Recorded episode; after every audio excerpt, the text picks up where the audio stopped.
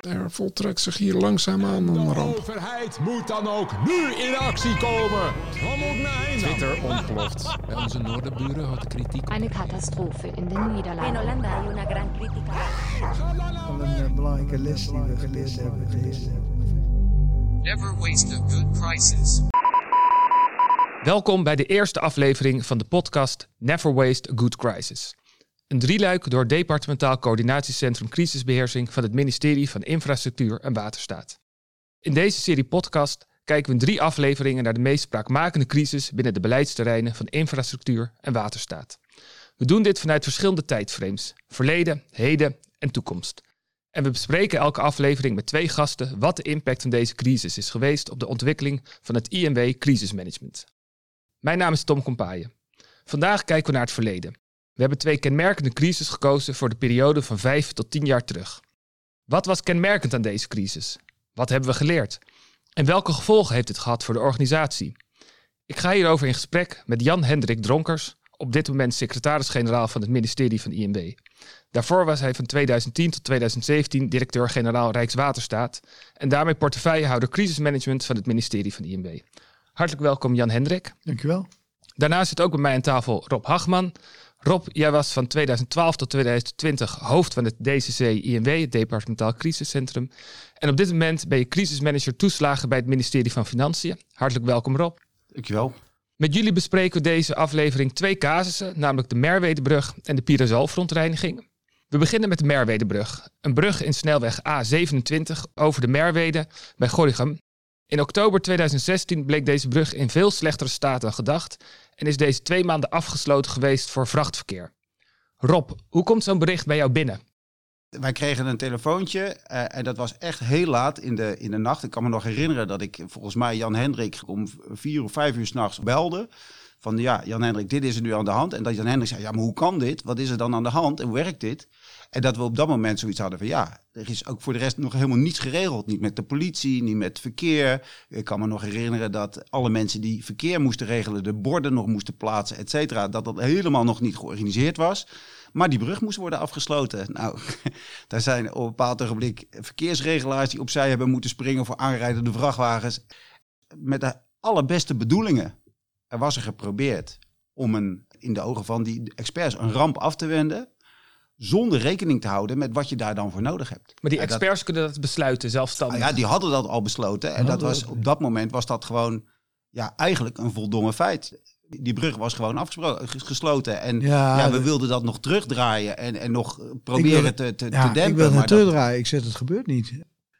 Ehm, hij kwam er ja, achter dat ik het ook niet meer terug kon draaien, want het was eigenlijk al gecommuniceerd.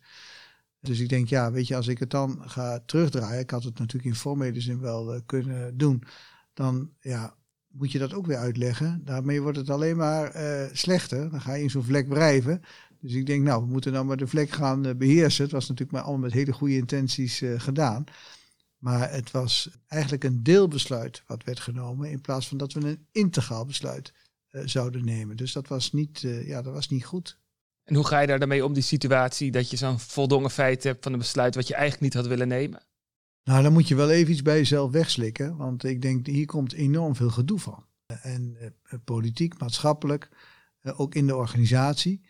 Eh, dus ik moest mezelf heel snel hernemen, want ik denk, ik wil eigenlijk niet dat dit besluit op dit moment wordt genomen. Ik vind het prima om dit besluit te nemen, maar niet op dit moment met deze condities. Maar omdat het al gecommuniceerd was, dacht ik van, eh, nou, we moeten nou maar alles eraan doen om het zo goed mogelijk eh, voor de rest voor elkaar eh, te krijgen. En eh, nou, daar heb ik me ook voor eh, ingezet. Maar het is niet ehm, plezierig om mee te werken aan een besluit wat je zelf niet goed vindt. En ik Dus, begreep van Rob dat het vier, vijf uur s'nachts is dat, dat jij dit hoorde. Ja, het was in, in de Ja, hele vroeg in vroege de ochtend. Ja. Ja. En daarna niet meer geslapen? Ik heb niet meer geslapen. En gelijk Nee, aan de slag. Ja. aan de slag gegaan Ja. natuurlijk. Ja. Dat zijn we allemaal. En je probeert natuurlijk dan te beheersen wat er dan te beheersen valt. Eh, maar dat is natuurlijk wel allemaal mosterd naar de maaltijd. Want ja, eh, die vrachtwagenchauffeurs eh, die rijden gewoon. En, eh, en die bussen die rijden gewoon. En niemand had rekening gehouden met al die verschillende facetten. Van hoeveel, hoeveel ton eh, ga je dat dan doen? En Verkeerstechnische maatregelen nemen. Politie die, eh, ja, die was niet op de hoogte, die moest betrokken worden. Dus je gaat op dat moment, en dat was natuurlijk Rijkswaterstaat ook zich wel van bewust op een zeker moment. Maar met het verkeer, met, eh, met de politie, met de omliggende gemeentes, zo snel mogelijk proberen de boel nog in rij en gelid te krijgen. Maar ja, dat heeft toch nog wel een tijd geduurd. Ja, Kijk, het is natuurlijk niet de, de kleinste verbinding. Hè? Het, is, het is een hoofdader in het, eh, in het net. En als je die in één keer afsluit, dan eh, ja, moet je voldoende omleidingsroutes hebben. Je moet met de overheden hebben gecommuniceerd. Je moet met de bedrijven die natuurlijk in die omgeving zitten hebben gecommuniceerd. Want die moeten zich daarop instellen. Gaan ook allerlei belangrijke dingen eh, overheen. Dus je moet nogal wat organiseren. Wil je dit op een ordentelijke manier eh, kunnen doen? En als dat allemaal niet geregeld is, wat je dan aantreft, en zo is het ook gebeurd, is dat je het stapje voor stapje moet gaan eh, doen. Hè? Dus eerst maar, nou, provisorisch dan zoveel mogelijk afsluiten. Vervolgens kom je erachter van, eh, dat het niet te handhaven eh, valt, dat je juridische basis niet eh, goed is. Dus, dus dan moet je al die stapjes achter elkaar gaan nemen. Terwijl je eigenlijk in een goede crisisorganisatie dat beeld, dat omgevingsbeeld hebt. En vervolgens afweegt van wat je daarvan kan invullen en niet. Hè. Soms kun je het natuurlijk niet helemaal compleet maken, omdat het zo urgent is dat je dat dan op dat moment moet doen. Maar dan is het afgewogen. Ja, en hier is het gewoon gedaan, omdat een aantal mensen terecht dachten dat hier een gevaarlijke situatie zou ontstaan. Dus, dus die analyse was wel juist. Maar het besluit wat moet volgen uit die analyse was wat ik net noemde een deelbesluit. Dat was geen integraal besluit, waardoor je al die elementjes daarna moest gaan eh, doen. Dus kenmerk bij een crisis is altijd dat je nooit moet kijken naar eh, het element waar je zelf mee bezig bent. Je moet altijd, wat we noemen het omgevingsbeeld, je moet altijd breed kijken. Je moet smal doen, maar je moet breed kijken.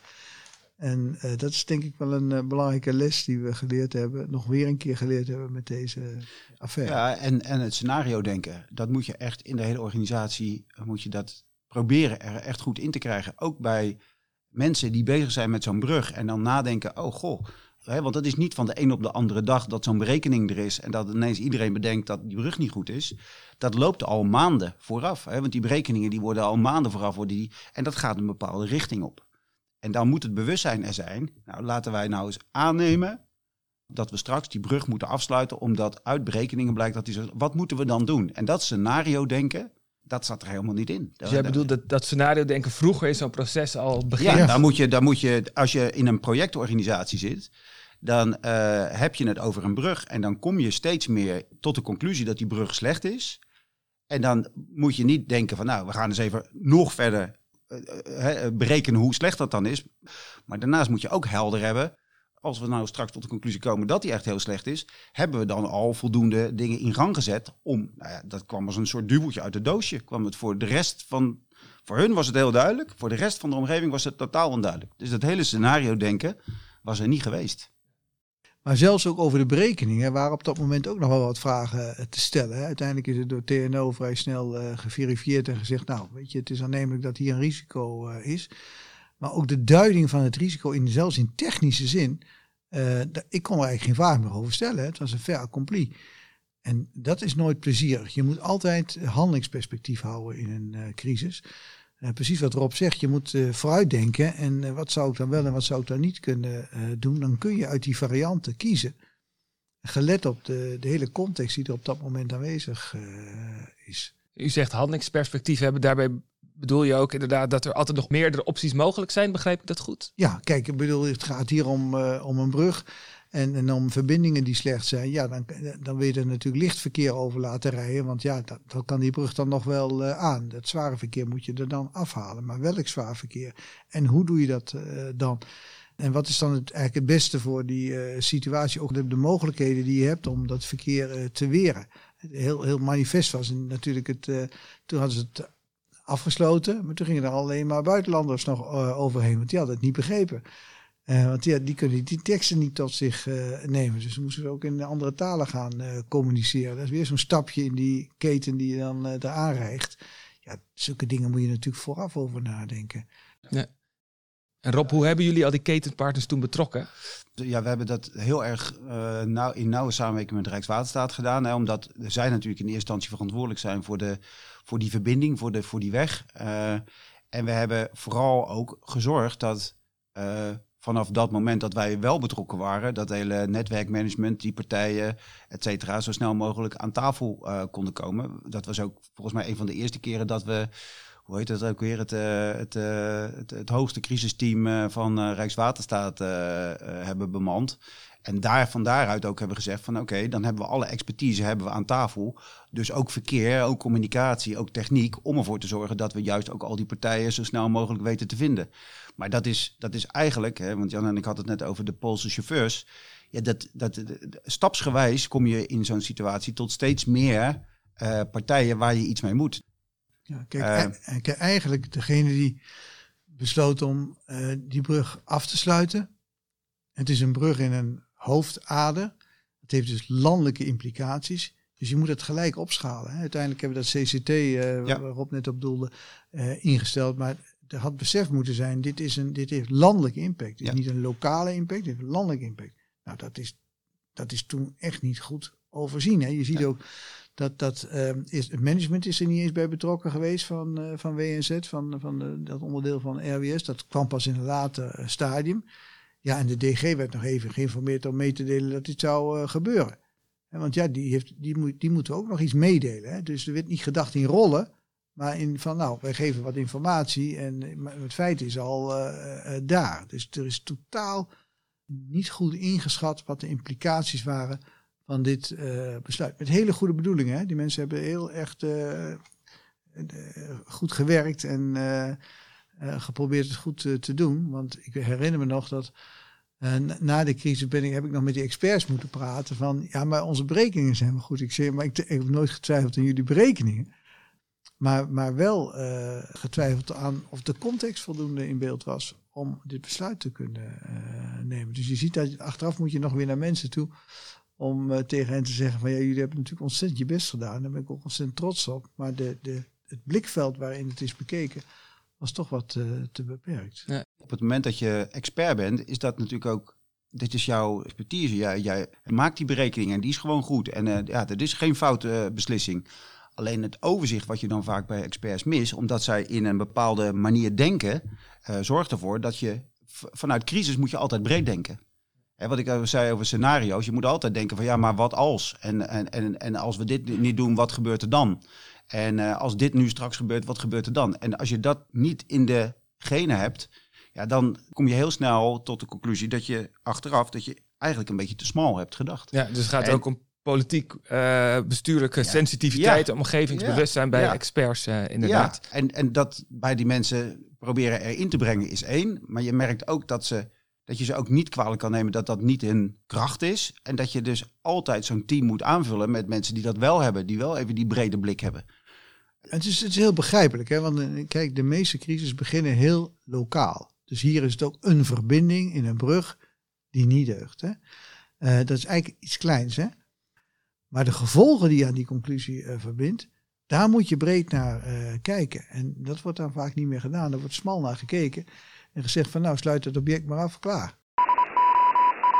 U zegt het begint eh, lokaal. Dat is een mooi bruggetje naar de, de volgende casus. Want voordat wij even de algemene lessen en wat betekent dit voor de crisismanagementorganisatie van INW gaan bespreken, willen we nog de, de casus van de Pirazol-verontreiniging er even bij nemen. Ik noem heel kort even de feiten, zodat eh, de luisteraars ook allemaal daar hetzelfde beeld van hebben. Dit was de zomer van 2015, met name eh, de maanden juli, augustus. En een aantal eh, waterleidingsbedrijven in Limburg en Zuid-Holland stoppen dan met het innemen van drinkwater uit de Maas vanwege een te hoge concentratie van het stofje pyrazol. Dat is een chemische stof die voorkomt in onder meer geneesmiddelen en bestrijdingsmiddelen. En die chemische stof eh, blijkt afkomstig te zijn van het industriepark Gemmelot in eh, Limburg. Ook weer lokaal begint het. Jan Hendrik, wat was dit voor crisis? Nou, dit was eigenlijk een stofje dat boven de signaleringsgrens uitkwam. En eh, ja, dan moet je even gaan nadenken van, eh, kan dit geen gevaar opleveren? en ehm, ja, een beetje in vergelijking met wat we net hadden eh, besproken. Het lastige bij deze casus was dat er eigenlijk geen wettelijke norm was voor deze stof. Dus wanneer kun je nou wel en wanneer kun je nou niet iets doen? Dat moet je dan gaan uitvinden. Dus je moet eigenlijk een stukje beleid maken in de crisis. Dat was wat hier gebeurde. En dat is best wel bijzonder. En, eh, en ook lastig natuurlijk, want dat moet dan snel gebeuren. Normaal, beleid dat duurt lang. Eh, want dan moet van alles worden bekeken, afgewogen enzovoort. Hier moest snel worden gehandeld, want je kon natuurlijk maatschappelijk ook niet uitleggen eh, dat als achteraf blijkt dat het toch schadelijk is, dat je niks hebt gedaan. Dus eh, dit was best wel een, eh, een heftige crisis in zijn, in zijn aard. En hoe zijn jullie dan met die situatie omgegaan dat je nog beleid tijdens de crisis moest maken? Nou ja, eigenlijk ons, eh, is het zo gegaan dat er steeds meer druk kwam van is dit nou wel verantwoord of niet verantwoord. Ehm, en als je dan niet een keer een, een, een lijn trekt, zeg maar een norm vaststelt, dan kun je eigenlijk niet verder. Dus het was gewoon nodig om, om, om een norm vast te stellen. Maar ja, daar moet je dan wel eh, verantwoordelijkheid voor kunnen nemen. Dus het moet wel deugen, die eh, norm. Nou, en daar is best wel een beetje over gedimdamd. Eh, uiteindelijk is dat wel vastgesteld. En je zag, toen die norm was vastgesteld, kon het proces ook weer verder gaan. En zolang die norm niet werd vastgesteld, had je een hoop gedoe en onzekerheid. En wat moeten we doen, wat moeten we niet doen. Ook kijken wat gebeurt internationaal. Eh, dus dan ga je van alles in beeld brengen. Maar uiteindelijk word je toch gedrongen om, gedwongen eigenlijk om zo'n zo'n norm te stellen. En als je dat dan ook gedaan hebt, dan zie je ook weer dat de crisisorganisatie verder kan. Dus, dus in een crisisorganisatie, hier was het heel belangrijk je te realiseren, ook als iets niet geregeld is.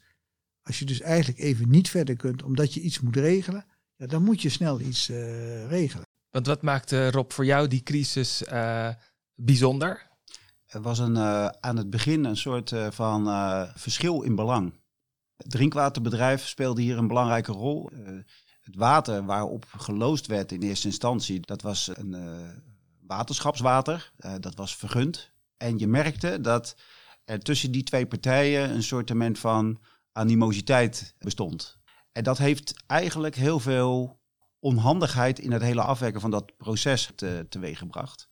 Want het drinkwaterbedrijf zei van ja, er wordt hier iets geloosd. Waterschap zei ja, het is vergund. In principe is dit geen probleem. En er was toevallig een hele lage eh, waterstand van de Maas. Daardoor was die concentratie hoger. Hè? Heel weinig water, ja, dan wordt die concentratie hoger. En het drinkwaterbedrijf was het echt een beetje aan het opspelen. Dus hier was een hele duidelijke assortiment van... Maar die stopte met inname. Ja, ja. En, maar die, die zeiden ook van ja, dit kunnen we een paar dagen doen. Een een week, twee weken. En dan, maar dan hebben we iets nodig. Dus wij willen nu weten van wat gaan we nu met dat water doen. Er kwam een hele duidelijke bestuurlijke component kwam erbij. eh, waarbij je verschillende partijen zag die eigenlijk met verschillende belangen in dat, in dat hele spel zaten. En dat heeft mij ook wel eh, bewust gemaakt dat je in een crisis ook, eh, dat dat ook steeds meer politiek bestuurlijk is. En dat je daarmee, dat je daar goed rekening mee moet houden en moet kijken van, nou ja, hoe zorg je er nou voor dat die belangen goed geborgd zijn? En het enige waar dat door kon, was zo snel mogelijk regelen dat het water weer ingenomen kon worden voor het drinkwaterbedrijf. En het drinkwaterbedrijf, ja, we willen het pas innemen als dat ook wettelijk geregeld is. En toen moesten we dus heel snel zorgen dat de minister eh, akkoord ging met een, met een, met een, eh, met een vaststelling. Nou, en dan hadden we op de achtergrond hadden we nog de experts. En het drinkwaterbedrijf had ook de experts al vooraf ingeseind. En die hadden al een berekening gemaakt. En die hadden al een, eh, een rapportje gemaakt over wat kan wel en wat kan niet. Nou, dus daar liepen allerlei dingen door elkaar. Experts, politiek bestuurlijk, verschillende belangen. Ehm, eh, een niet vastgesteld eh, niveau van dat specifieke stofje. Nou, dat was op een bepaald moment wel een brei.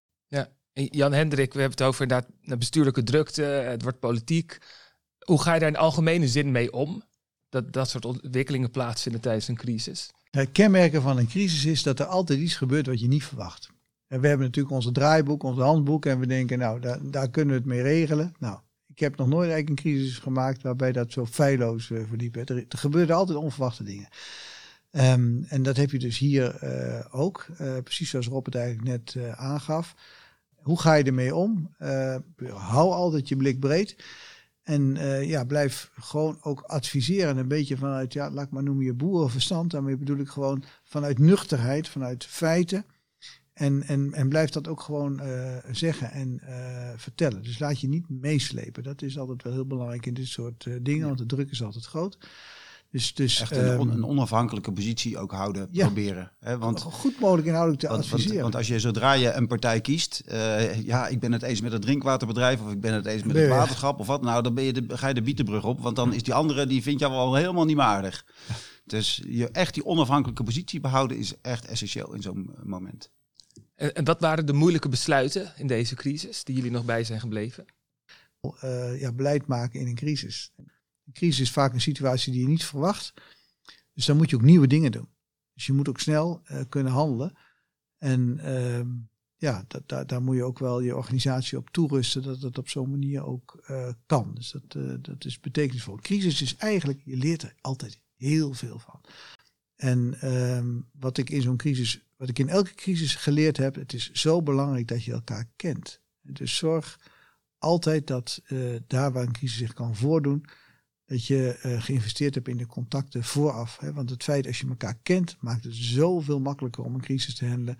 Dan dat je nog contacten moet opbouwen. Dat is ook, vind ik, een hele belangrijke les.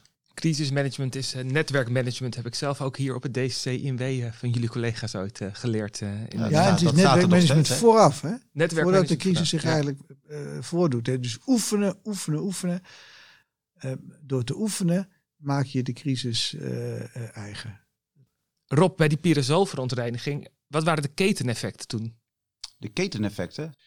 Ja, je ziet dat er gebeurt iets bij een bedrijf, dan uh, heeft dat effect uh, bij een waterschap. Dat waterschap dat loost, of tenminste het waterschap loost niet, maar die, uh, nou dan komt het bij een, een groot staat water. toe. Ja, ja, die staat de lozing toe. Dan komt het bij een groot water. Nou, daar is Rijkswaterstaat verantwoordelijk voor. Komt het drinkwaterbedrijf en die begint bij Rijkswaterstaat te tamboureren. En zo heb je dus een hele keten aan partijen.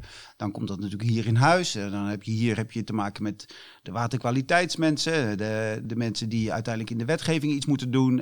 Op dat moment is het een heel, ja, ik oneerbiedig gezegd, een heel circus aan mensen die op dat moment een mening hebben over wat hier aan de hand is. En die hebben ook allemaal een beeld. En wat ik dan zie is dat crisismanagement is echt, dat, dat moet je echt onthouden. Dat is niet voor bange mensen. Je moet op dat moment ook durven zeggen van nou, ik steek hier mijn nek uit. We gaan hier nu het advies geven dat we het op deze manier gaan doen. En als je dat, als je dat niet durft, als je constant maar blijft wikken en wegen en, en, en, en wachten en nog een keer wachten, ja, dan kom je ook niet verder.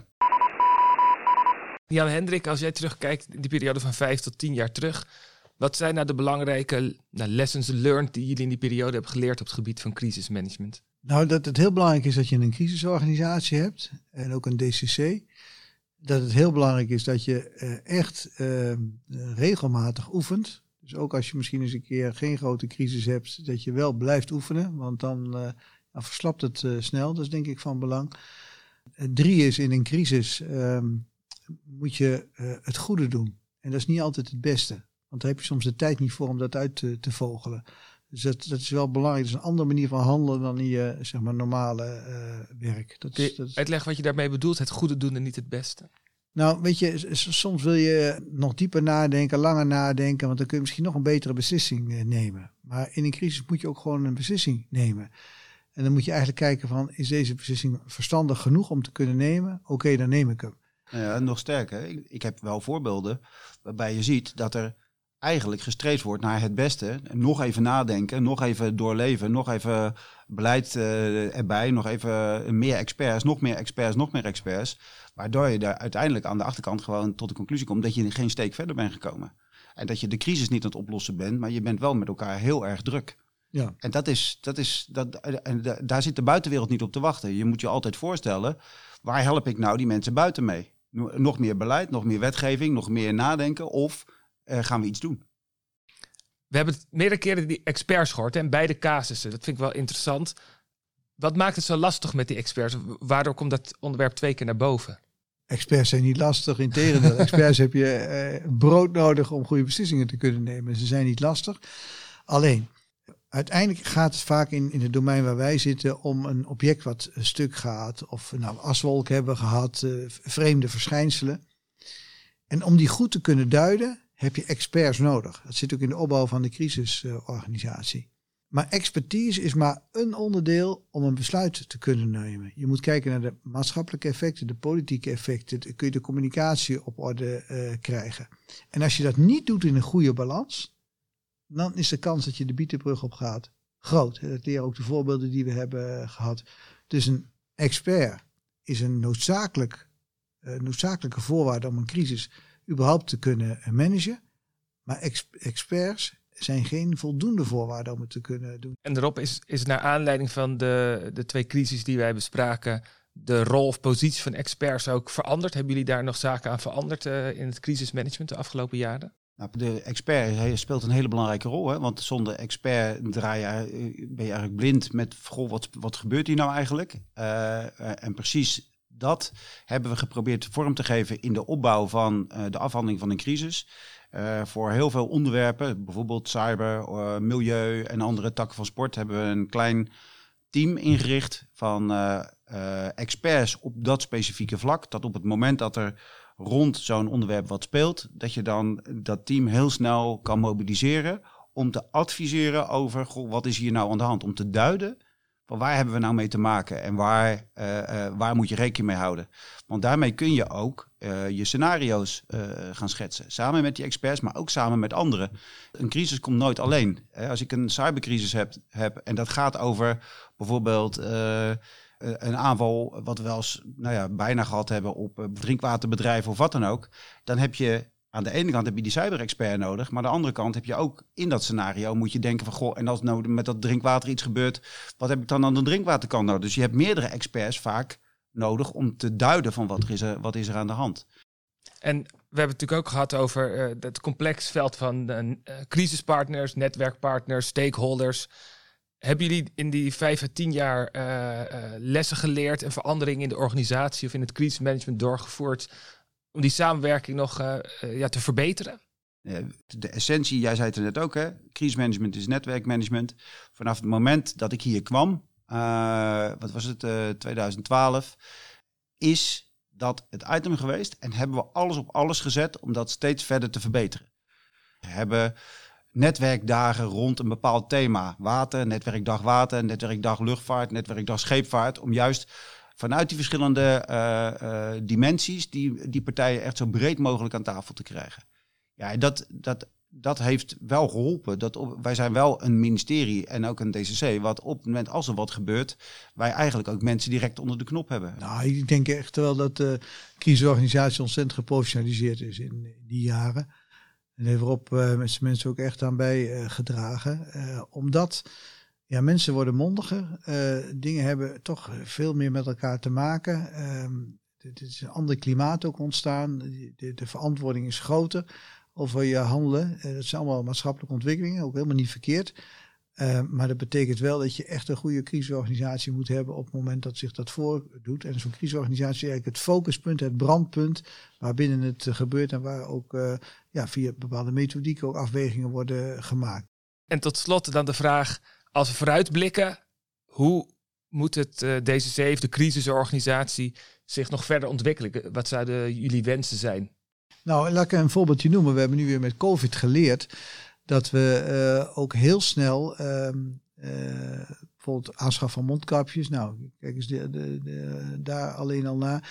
Dat je ook aan de bedrijfsvoeringskant arrangementen moet kunnen maken die een beetje eh, abnormaal zijn. Ehm, daar hadden wij eigenlijk nog nooit zo over nagedacht. Dus we gaan nu ook weer kijken in die crisiskant of we ook op het gebied van de bedrijfsvoering nog een been kunnen bijtrekken. En zo, zo leer je steeds. Het, het is nooit af dit. En Rob, wat zijn jouw wensen voor de toekomst op het gebied van crisisbeheersing bij DCC? Wat, zijn- welke kant moet het nu op? En nou, ik denk inderdaad dat er al een heleboel mooie stappen gemaakt zijn. Ik sluit me aan bij de eh, bedrijfsvoeringskant. De Communicatie, de hele crisiscommunicatie is ook wel weer een item.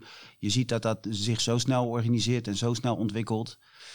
Alle, alle mogelijkheden die, die je ziet, zie je dat rond sociale media eh, daar nog verder in professionaliseren en snappen hoe dat werkt en er gebruik van maken en er mee eh, het, mee laten werken in het plaats van tegen laten werken. Ik denk dat dat wel een belangrijke uitdaging voor de toekomst wordt. Daar sluiten we deze aflevering eh, daarmee af. Jan Hendrik, Rob, heel hartelijk dank. Dit was deel 1 van de podcastserie Never Waste a Good Crisis van DCC INW. We blikten vandaag terug op het verleden. Het volgende deel gaat over het heden en daarin spreken we met de huidige directeur-generaal Rijkswaterstaat Michelle Blom en het huidige hoofd DCC INW Edith Kuiper. We praten met hen over de droogte en over de Citrix-kwetsbaarheid en hebben ook daaruit uiteraard weer interessante lessen. Dus tot de volgende aflevering en bedankt voor het luisteren.